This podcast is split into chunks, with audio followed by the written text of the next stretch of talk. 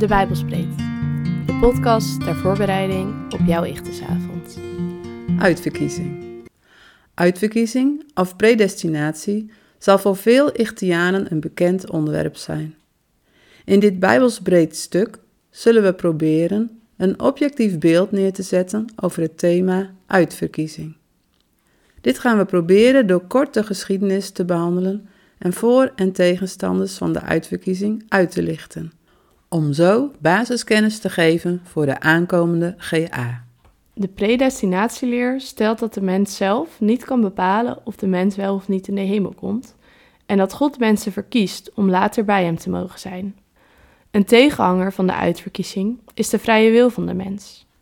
Als God namelijk al heeft bepaald of de mens zijn genade ontvangt, hoeft de mens er niet zelf voor te kiezen. De predestinatieleer is nauw verbonden aan de verzoeningsleer. In het kort houdt de verzoeningsleer in dat Jezus met zijn kruisdood voor onze zonde is gestorven om te boeten voor de zonde van de mens, om zo Gods genade te kunnen verkrijgen.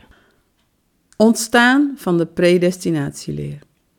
Het begin van de predestinatieleer vinden we bij kerkvader bisschop Irenaeus van Lyon, die rond 180 jaar na Christus de Bijbelteksten en geschriften over de verzoeningsleer samenvoegde tot basis van het christelijk geloof.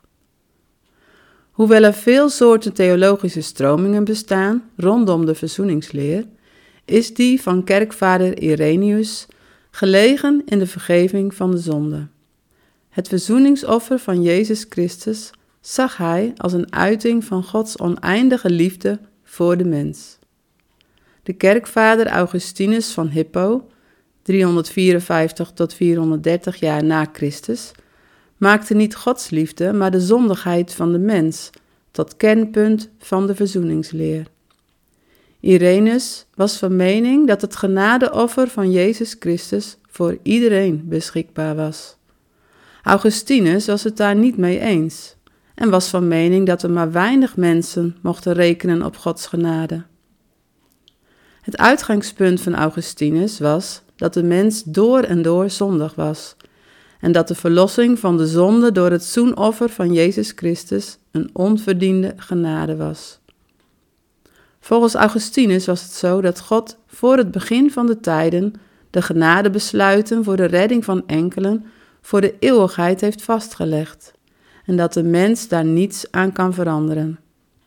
Deze opvatting heet sinds Augustinus de predestinatieleer. Als je de geschriften van Augustinus erop naslaat, dan gaat de predestinatieleer niet alleen over de mens. Het is breder dan dat. De verkiezing gaat volgens hem ook over Gods besluit tot de schepping van mens en aarde en het onderhoud van die schepping. De bestemming van ieder mens, al dan niet uitverkoren, is onderdeel van deze leer. De predestinatieleer heeft in de Reformatie een grote rol gespeeld.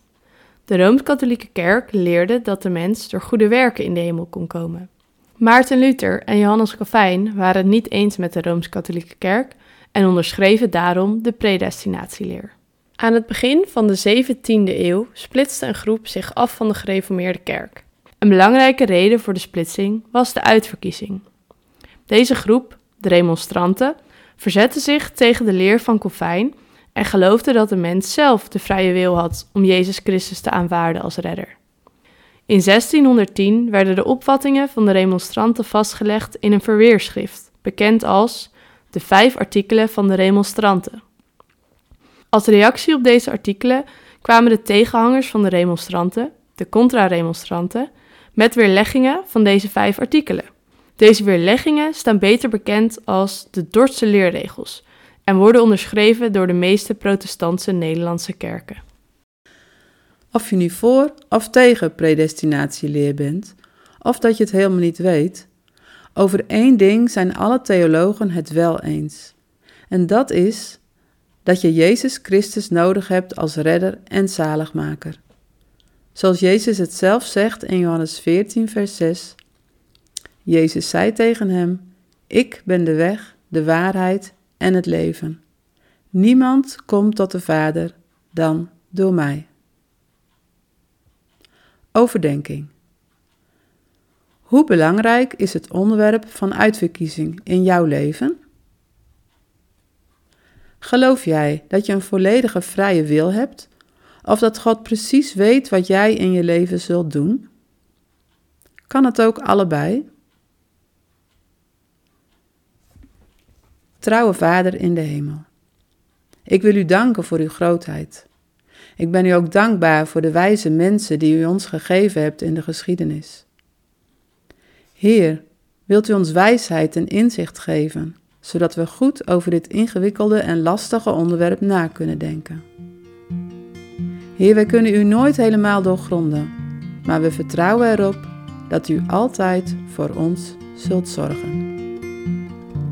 Vragen wij u in Jezus' naam. Amen.